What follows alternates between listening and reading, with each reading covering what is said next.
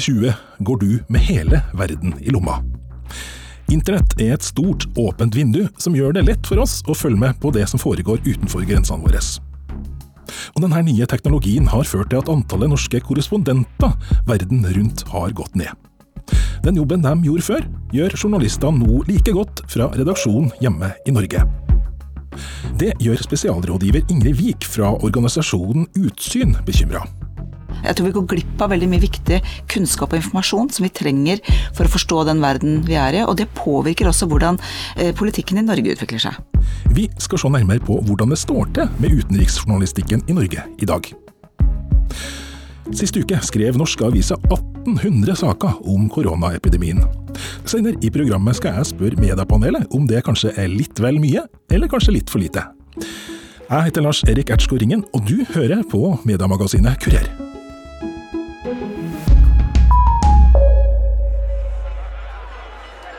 De har vært våre øyne og ører verden rundt siden krigen. Utenrikskorrespondentene til de store mediehusene. I London, hvor innbyggerne feira at England gikk ut av EU den 31. januar, var det for 20 år siden ti norske korrespondenter. Nå er det bare én igjen. NRKs Øyvind Nyborg. Ja, det er eh, helt elektrisk her på Parliament Square i hjertet av London. Og akkurat nå er det titusenvis av mennesker som synger 'Rule Britannia'. Og det er klart at uh, her er det folk som har ventet lenge på at dette endelig skulle skje. Nå forteller han at eh, de andre mediehusene heller velger å sende reportere fra Norge. Brannmenn, som de kalles i bransjen. Journalister som rykker ut fra Norge når det skjer noen ting. Det er hvis det skjer uh, større ting. F.eks. Uh, de siste to årene så har jeg sett både TV 2, VG og NTB når det har vært uh, store, litt sånn avgjørende avstemninger i Underhuset rundt brexit. Ellers så har jeg ikke sett snurten til mange norske journalister. Hva tenker du om at du ville hatt ni norske fastboende kollegaer i London hvis du jobbet, hadde den jobben du har nå for 20 år siden? Jeg, jeg, tenker at det, det første og fremst ville vært veldig hyggelig, men ikke minst også sunt for eh, konkurransen mellom norske mediehus. Og så er det litt uh, trist kanskje at uh, dette dreier seg om innsparinger, og, og, det er jo ikke noe positiv eh, trend. Det at man satser på brannmenn som reiser rundt og slukker branner eh, i redaksjonene, det gjør jo at man kanskje mister litt av eh, hele bildet. Og så var jo ting litt annerledes eh, for 20 eh, år siden. Eh, medievirkeligheten har blitt helt annerledes, med et mye raskere tempo og krav til leveringer. Men hva er egentlig fordelen med å være korrespondent? Ja, man skal være forsiktig med å fremheve seg selv mye, men jeg tror at man forstår mer av dybden i samfunnet man skal eh, dekke. Det er mye ekstra man får med å eh, bo et sted. Man plukker opp ting. Eh, folk snakker om det du hører på radio. Og, man får med seg på en måte strømningene i samfunnet på en helt annen måte enn hvis du bare er hjemme i Oslo og leser nettaviser, tror jeg. Øyvind Nyborg dekker de britiske øyene for NRK, og følger selvsagt derfor godt med på hva de norske mediene skriver om det som skjer i området hans. Jeg syns at eh, en del av kommentarstoffet har, har virka veldig godt. Eh, og Når f.eks. Aftenposten har vært på reportasjetur i Storbritannia, så har de fått med seg veldig mye som jeg syns eh, er vesentlig. Men generelt sett så er jeg kanskje ikke så veldig imponert. Av og til så blir det også eh, direkte skivebom. F.eks. at man tar en ting som virker veldig spennende sett med norske øyne. F.eks. at eh, briter ønsker seg en norsk modell i forhold til EU, og blåser opp det i norske aviser. Men vi, vi, som, som, bor her, vi vet hvor lite realisme det er i, i slike saker. Eva Therese Lo Grøttum er nyhetsleder i Norges største avis, VG. Det betyr at hun har ansvaret for utenriksstoffet i avisa. Hun innrømmer at det har gått nedover med de ressursene avisa har til rådighet for å speile verden. Vi har færre ressurser og færre journalister ansatt nå enn vi hadde for ti år siden. Det er, jo, eh, det er jo sånn medieøkonomien er. Eh, og det gjelder jo både inne og ute, så så ærlig må vi være. Vi skal høre mer fra nyhetslederen i VG litt seinere i programmet, men først må vi se på historia. Og for å få til det, så trenger jeg hjelp. Jeg heter Rolf Wernskjold, og jeg er professor i medievitenskap ved eh, medieutdanninga i Volda. Men du er ikke i Volda akkurat nå, du er et helt annet sted, ikke sant Rolf? Ja, nå er jeg i Zagreb. Ja, så, så på en måte så er du utenrikskorrespondenten vår i dette programmet? Ja, det kan du gjerne si. Rolf Wernskjold forteller at behovet for å følge med på det som skjedde i verden var stort i Norge etter at freden kom i 1945. Det her var Aftenposten raskt å plukke opp. Og de starta i London, og de fortsatte med å opprette eh, korrespondentstilling i Paris, og etter hvert også i Bonn, i New York og etter hvert i Washington. Og når vi kommer litt eh, lenger ut på 60-tallet, så eh, etablerte de også korrespondentstilling i Moskva. 1964 var den store flyttesjauens år i britisk politikk. En liten tørr skotsk adelsmann, sir Alec Douglas Hume, pakket sammen i nummer ti Downing Street. En liten rund Yorkshire-mann, en nordlending i norsk språkbruk, Harold Wilson, skyndte seg inn i det berømte huset nesten før forgjengeren hans var kommet seg ut bakdøren. I 1964 kom også NRK etter med faste korrespondenter. Først ute var Richard Herman, som allerede hadde jobba på frilansbasis i mange år, før han ble den første utenrikskorrespondenten i London. Og svært mange redaksjoner holdt seg med denne luksusen. I tillegg til Aftenposten så hadde også Arbeiderbladet en periode korrespondenter ute. Det samme hadde Dagbladet, og NTB hadde korrespondenter ute. Professor Rolf Wernskjold, eh, som har forska på norsk utenriksjournalistikk, forteller at den norske journalistiske tilstedeværelsen i utlandet toppa seg for 25 år siden. Eh, høydepunktet, eller eh, selve gullalderen for norsk utenriksjournalistikk, det var mot slutten av den kalde krigen. Da hadde man flest både utenriksjournalister og utenrikskorrespondenter plassert i utlandet. For å være konkret hadde norske redaksjoner til sammen 35 faste korrespondenter rundt eh, omkring i verden i 1995. Bl.a. Odd Karsten Tveit, som holdt til i Amman i Jordan. Det er ikke første gang i den palestinske intifadaen at det er stille perioder. Men det er galt å tro at oppstanden er over. Både Vestbredden og Gaza er en kruttønne, så det er bare spørsmål om tid. Intifadaen starter igjen. Men så skjedde altså noe som førte til at det ble stadig færre norske journalister i utlandet. For å finne årsaken trenger jeg enda mer hjelp. Anne Hege Simonsen er førsteamanuensis ved Oslo OsloMet. Hun forteller at de dyre utenlandsnettverkene raskt ble en salderingspost da den første runden med økonomiske problemer i mediene kom på midten av 90-tallet. Jeg har faktisk selv vært korrespondenthustru i Sverige i nesten tre år, og da var jeg ute og kjøpte min første drakt. Så altså det har vært mye representasjon og, og, sånne ting, og man har gjerne bodd bra og hatt utenlandstillegg og, og sånt, så det er klart at det, det, det, det var dyrt. En annen avgjørende årsak til at vi har fått færre utenrikskorrespondenter, er selvsagt internett. Det har gjort det mulig å sitte hjemme i Norge og få med seg det som skjer rundt omkring i verden, fra redaksjonen. Hvis man skal være litt slem på, sånn, i korrespondentenes glansdager da, på 70-tallet og sånn, så handlet det jo mye om å lese lokale aviser, ikke alltid om å være så veldig mye ute i felt. Og de avisene trengte man jo da ikke lenger å få lest av noen som satt i utlandet, så, så, så, så på en måte verden ble mer tilgjengelig for redaksjonene hjemme. Men hva skjer når utenriksjournalistene bruker internett som sin største kilde til informasjon for å gi oss et godt og korrekt bilde av det som skjer i verden? Mediene blir mer en sånn slags kurator for ting som produseres andre steder. Og det er jo um, problematisk, da, syns jeg, særlig på, på, utenriksfeltet, fordi at uh, den førstehåndskunnskapen som en uh, korrespondent da kan ha, det gir en del type kunnskap som, som det virtuelle flimmeret av informasjon ikke kompenserer for, da. Og det har jo vært, det er det jo mange som har påpekt, at moderne digitale medier gjør at man får på en måte mer nå-heter enn nyheter.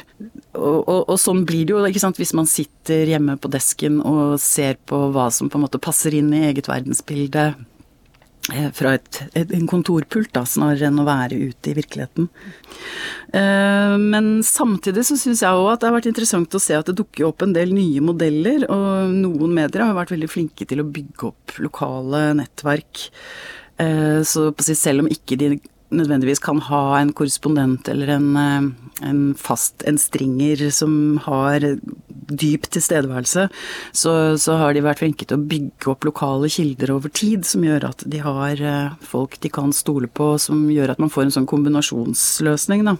Jeg syns f.eks. VGs Midtøsten-dekning har vært bra på det.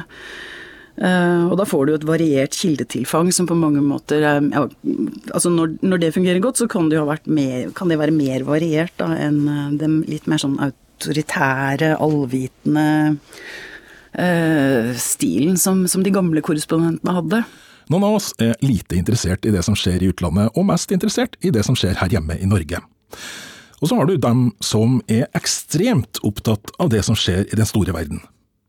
Ja, jeg heter Ingrid Wiik, og jeg er for tiden spesialrådgiver i Utsyn, Forum for utenriks- og eh, sikkerhetspolitikk.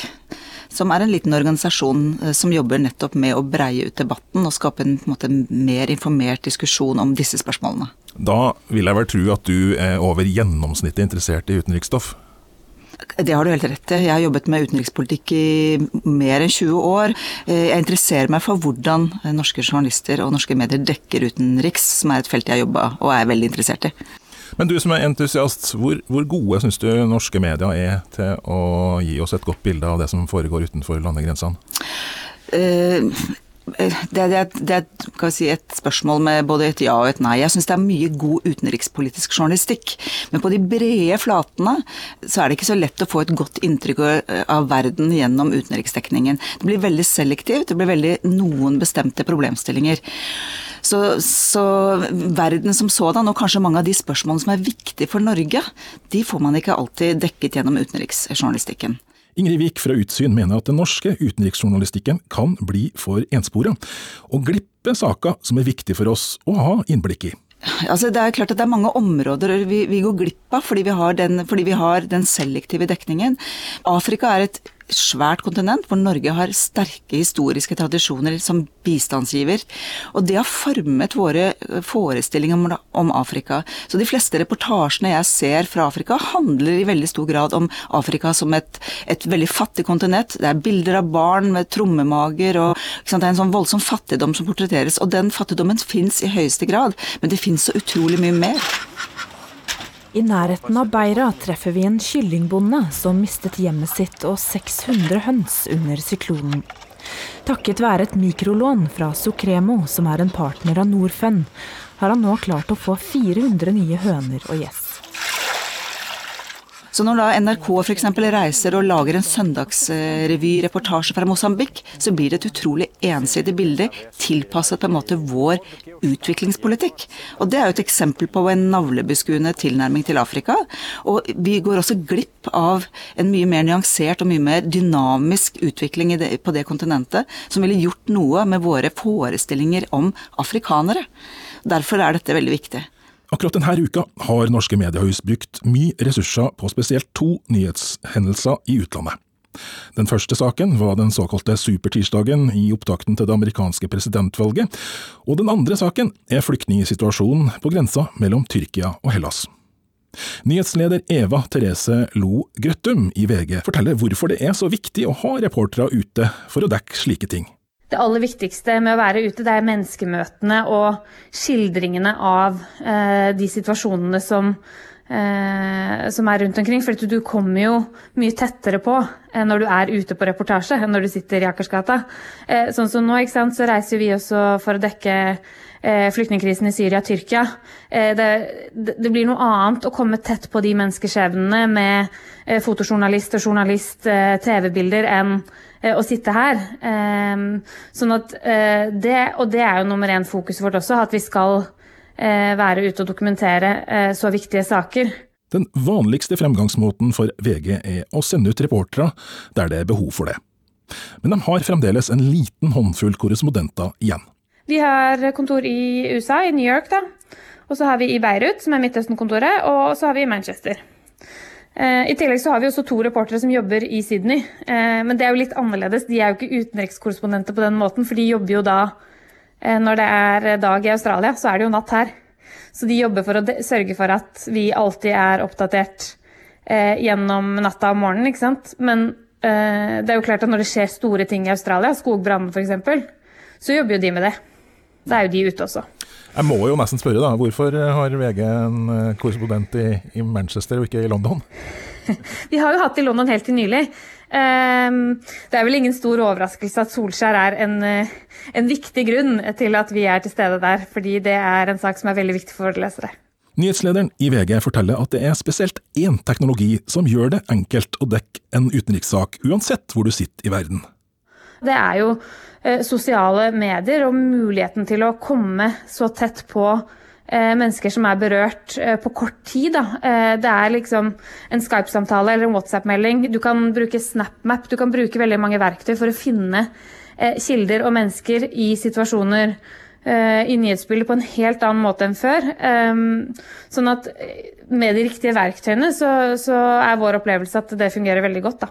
Men nyhetsleder Eva Therese Lo Grøttum i VG forteller at det er viktig å være forsiktig i bruken av sosiale medier. Eh, vi vet jo at det er utrolig mye av det som er i sosiale medier som ikke er eh, riktig. ikke sant? Det kan eh, Sett at det skjer en, eh, en, stor ulykke eller en terrorhendelse, så kan det jo plutselig florere bilder som det hevdes er fra den hendelsen, men som egentlig er falske. Sånne ting må vi være ekstremt oppvakte på hele tiden.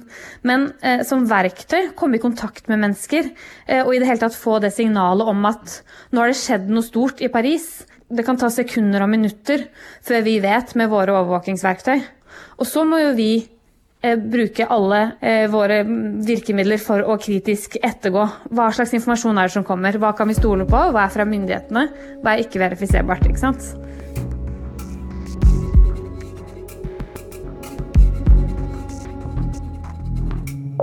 Du hører på NRK P2, og i Kurier har du så langt i dag hørt hvordan utenriksjournalistikken de siste par tiårene har gått gjennom en stor omstilling.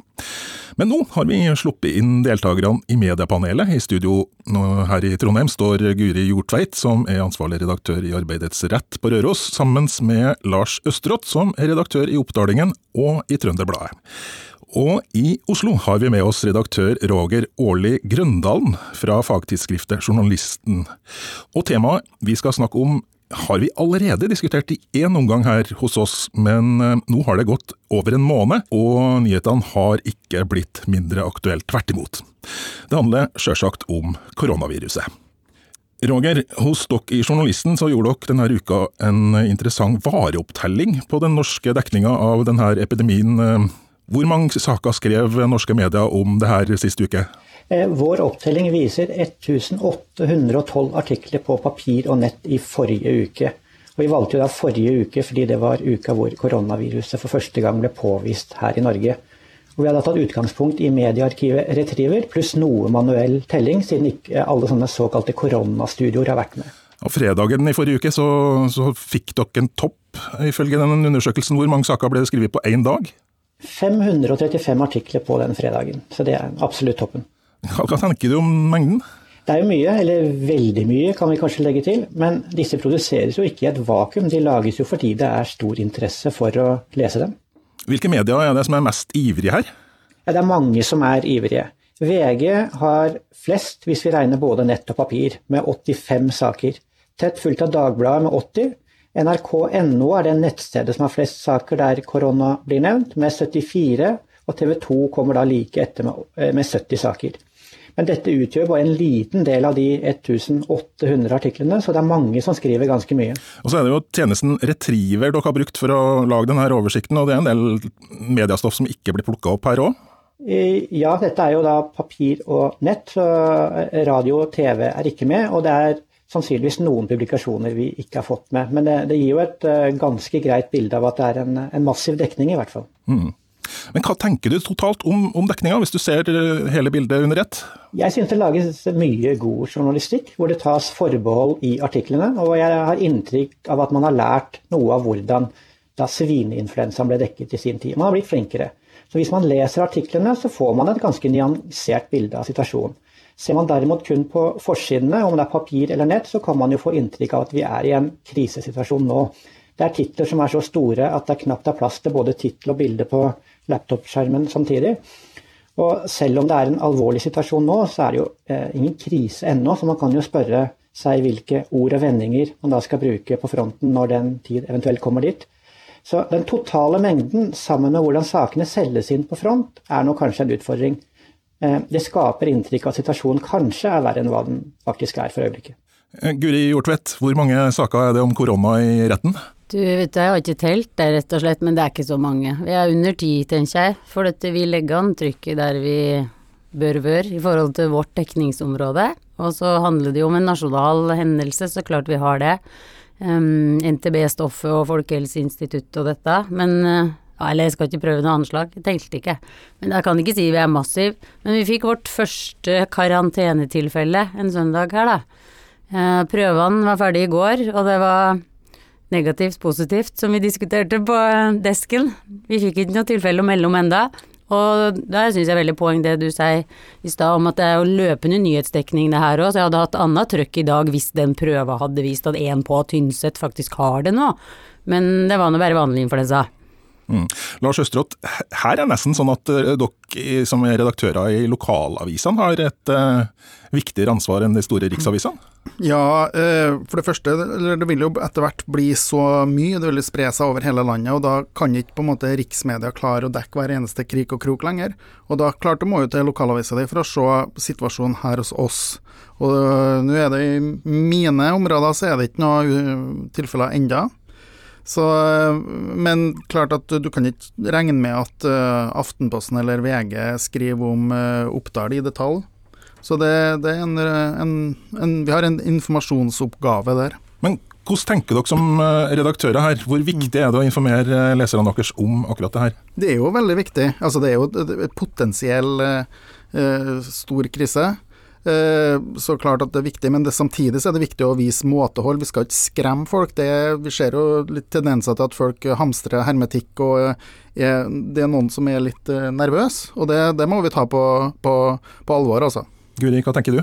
Nei, jeg er veldig enig. Vi har jo et samfunnsoppdrag. Dette går jo rett inn i vår diskusjon. Vi er abonnementsavis, så skal vi ha det åpent for alle eller ikke, og det har vi gjort. De pressemeldingene som har kommet fra våre lokale helseinstitusjoner, og det som ellers har vært som er naturlig å ha åpent for alle, fordi at det er ren informasjon som alle bør kunne tegne seg. Og jeg ønsker jo at de skal finne det på lokalavisa si. Jeg vil jo ikke at de skal trenge VG og Dagbladet og Aftenposten her. Så det syns jeg jo litt dette volumet dere snakker om, og antall saker, er jo himla stort. Dette landet har veldig, veldig mange lokalaviser blant annet, så heldigvis skriver dem, syns jeg da. Roger, eh, akkurat det her med plussaka er litt interessant, for eh, det viser seg at det er ganske mange aviser som plasserer en god del av de her sakene bak en betalingsmur. Ja, det, men jeg syns det er vanskelig å kritisere eh, mediene for å ta betalt for god journalistikk. Eh, men det man ser er at i, Dagens Nyheter i Sverige har gjort alt innholdet på sin nettside gratis tilgjengelig for alle. Og vi har sett det mange andre steder i verden også. New York Times har gjort det samme når, når New York har blitt rammet av eh, kraftig uvær og katastrofer. Men, men jeg tenker at vi er jo ikke i en, sånn krisesituasjon per nå, og det er mer enn eh, nok stoff der ute som er fritt tilgjengelig for alle, bl.a. fra NRK. Og jeg tenker at hvis vi virkelig kommer i en krisesituasjon, så vil jeg håpe at flere av de store mediene også åpner eh, si, mer sånn forbrukersaker på slik, eh, slik, skal du forholde deg til ulike ting. Guri, hvordan tenker dere om plussaka i retten? Eh, nei, vi har jo en policy vi i hele Amedia-konsernet om eh, vi skal kunne ta betalt for journalistikken vår for at det skal være levedyktig framover. Og korona er foreløpig ikke noe spesielt annet enn at vi gjør som da store hendelser på veien, branner, flommer, du må koke drikkevannet ditt. Nå, alle den faktaboksen 'dette gjør du, unngå dette' fra Folkehelseinstituttet, det er sjølsagt åpent. Mm. Tenker du annerledes, Lars? Nei, jeg tenker akkurat det samme. Mm. Ja, Som du nevnte, Lars, så har vi jo sett eh, tegn til hamstring og hysteri i enkelte deler av befolkninga. Eh, det er bl.a. veldig vanskelig å komme gjennom til legen og legevakta for tida. Har mediene ansvaret for det her? Ja, det tror jeg, og det handler litt om det, den eh, opptellinga som Roger og journalisten har gjort. Altså at det totale medietrykket blir så stort, ikke sant. At du kan ikke eh, snu deg uten at det er korona overalt. Uh, og da, klart at det, det, finnes jo ikke noen, det er ikke så lett, det finnes jo ikke noen overredaktør som bestemmer at nå har uh, VG brukt opp sin kvote på 85 uh, saker, så nå får ikke de skrive noe mer om det. Så det, så det, ligger jo et ansvar på hver av oss egentlig til å, til å være litt tilbakeholden, eller vise litt måtehold. Nei, vet du, akkurat det med pluss og abonnement og virkemidler vi har, da. Jeg syns jo nok en gang altså at eh, VG og Dagbladet drar på. Både i volum og farger, og det lyser jo pest og kolera til hele fronten, som en hos meg sa her om dagen. Det er gult og rødt og oransje og svart. Eh, så hva slags virkemidler skal man bruke når det virkelig smeller? Det er det ene, og det andre er De har jo et ansvar for det, de òg, men de selger jo mye åpent, da. Um, eller altså, De har ikke abonnementsaviser, så er det deres virkemiddel, så kan de ta til seg det, syns jeg, som at du kritiserer betalingsavisene for at det ligger bak betalingsmur, hvis noen gjør det. Jeg har ikke sett noen grove tilfeller til det heller, jeg syns jeg. Men, men, hva tror du er viktigst eh, hos de store avisene? Eh, folkeopplysninga eller eh, statistikken? Nei, du må svare for det sjøl. Du ser nå åssen fronten ser ut. Ja, Det var alt vi fikk tid til, jeg er redd, i dag. Takk for at du var med oss, Roger Årli Grøndalen fra Journalisten, Guri Hjortveit fra Arbeidets Rett og Lars Østerått fra Oppdalingen og Trønderbladet. Jeg heter Lars Erik Ertsgaard Ringen. Vi høres igjen neste lørdag.